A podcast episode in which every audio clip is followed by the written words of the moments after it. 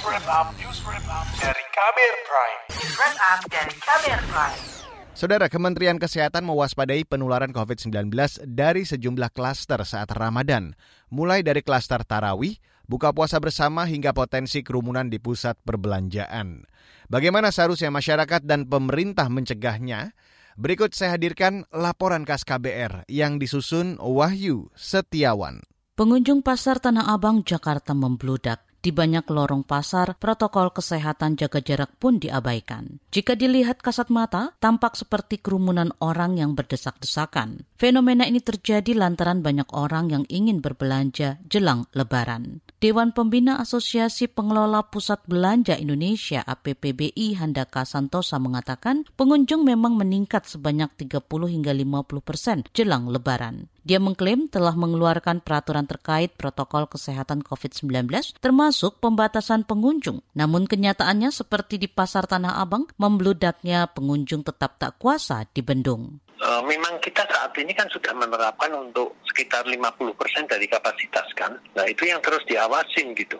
Gubernur DKI Jakarta Anies Baswedan menyebut pengunjung Pasar Tanah Abang pada Sabtu kemarin menembus 87 ribu orang dari yang biasanya hanya sekitar 35 ribu orang. Anies pun mengimbau masyarakat untuk memanfaatkan fasilitas belanja daring atau memilih pasar yang relatif tidak ramai. Dia berjanji akan mengatur operasional pusat perbelanjaan demi menghindari kerumunan. Bila pasar penuh, maka jalan-jalan ditutup, pengunjung tidak bisa masuk. Itu di jalannya, di pintu-pintu juga begitu. Disiapkan petugas. Ketika jumlah orang di dalam pasar masih banyak, maka pintu ditutup sehingga warga tidak masuk sampai jumlahnya berkurang. Kementerian Kesehatan menyayangkan terjadinya kerumunan di Pasar Tanah Abang, Jakarta. Juru bicara COVID-19 dari Kementerian Kesehatan, Siti Nadia Tarmizi mengatakan COVID-19 berpotensi menyebar di kerumunan melalui udara atau droplet. Risiko penularan bisa lebih besar jika pengunjung pasar abai menerapkan protokol kesehatan. Jangan gara-gara kita semangat mau berlebaran dengan baju baru, dengan perlengkapan yang baru, tapi kemudian kita tahu situasi kita ini masih dalam kondisi pandemi. Menurut Nadia, momentum menjelang lebaran memang harus diantisipasi. Apalagi dari data Kemenkes, dalam sepekan terakhir ada indikasi tren kenaikan kasus COVID-19.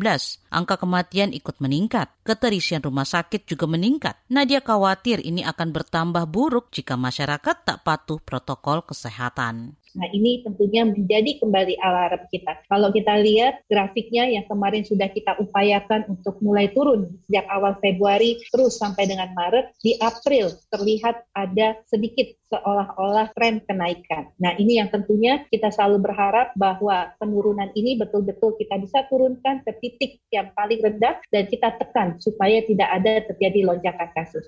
Kekhawatiran naiknya kasus menjelang lebaran diperburuk dengan munculnya sejumlah klaster saat Ramadan. Nadia menyebut ada potensi lonjakan kasus dari klaster tarawih, buka puasa bersama, hingga mudik. Hal itu pun terbukti. Di Pati, Jawa Tengah, 30-an orang dinyatakan positif usai mengikuti hajatan seorang warga yang baru mudik dari Jakarta. Gubernur Jawa Tengah Ganjar Pranowo menyesalkan insiden itu terjadi. Dia meminta warganya jangan nekat mudik dan mematuhi larangan mudik mengikuti aturan dari pemerintah. Di Banyumas, lebih dari 50 orang positif COVID-19 usai menjalani salat tarawih berjamaah di musola. Satgas COVID-19 setempat menduga puluhan orang itu tertular dari salah satu jemaah yang positif. Epidemiolog dari Griffith University Australia, Diki Budiman, mengatakan apa yang terjadi di Banyumas itu tidak mengherankan, sebab pembukaan salat tarawih di masjid atau musola saat tes positivity rate tinggi berpotensi memicu penularan. Dia mendorong pemerintah mengkaji ulang penerapan protokol protokol kesehatan di masjid atau musola. Selain penularan kasus saat salat tarawih, Diki mengatakan ada tiga hal yang perlu dimitigasi oleh pemerintah dalam situasi lebaran atau Ramadan. Pertama adalah adanya tradisi-tradisi yang berpotensi menimbulkan kerumunan seperti buka puasa bersama. Ini harus dimitigasi, artinya eh, mau dicegah atau difasilitasi di tempat yang aman dengan beberapa protokol kesehatan. Kedua, kita ini akan mengalami yang disebut dengan orang mau beli baju lebaran. Itu tradisi juga, itu perilaku yang sulit udah oh, itu harus dimitigasi.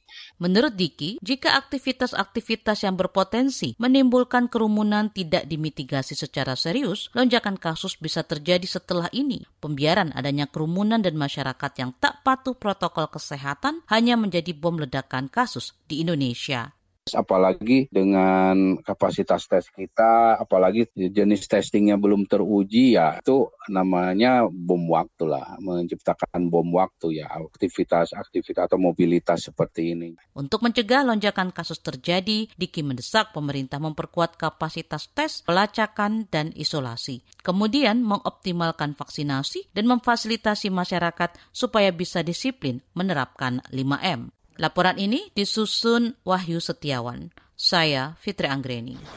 Kamu baru saja mendengarkan news wrap up dari Kabel Prime. Dengarkan terus kabelprime.id, podcast for curious mind.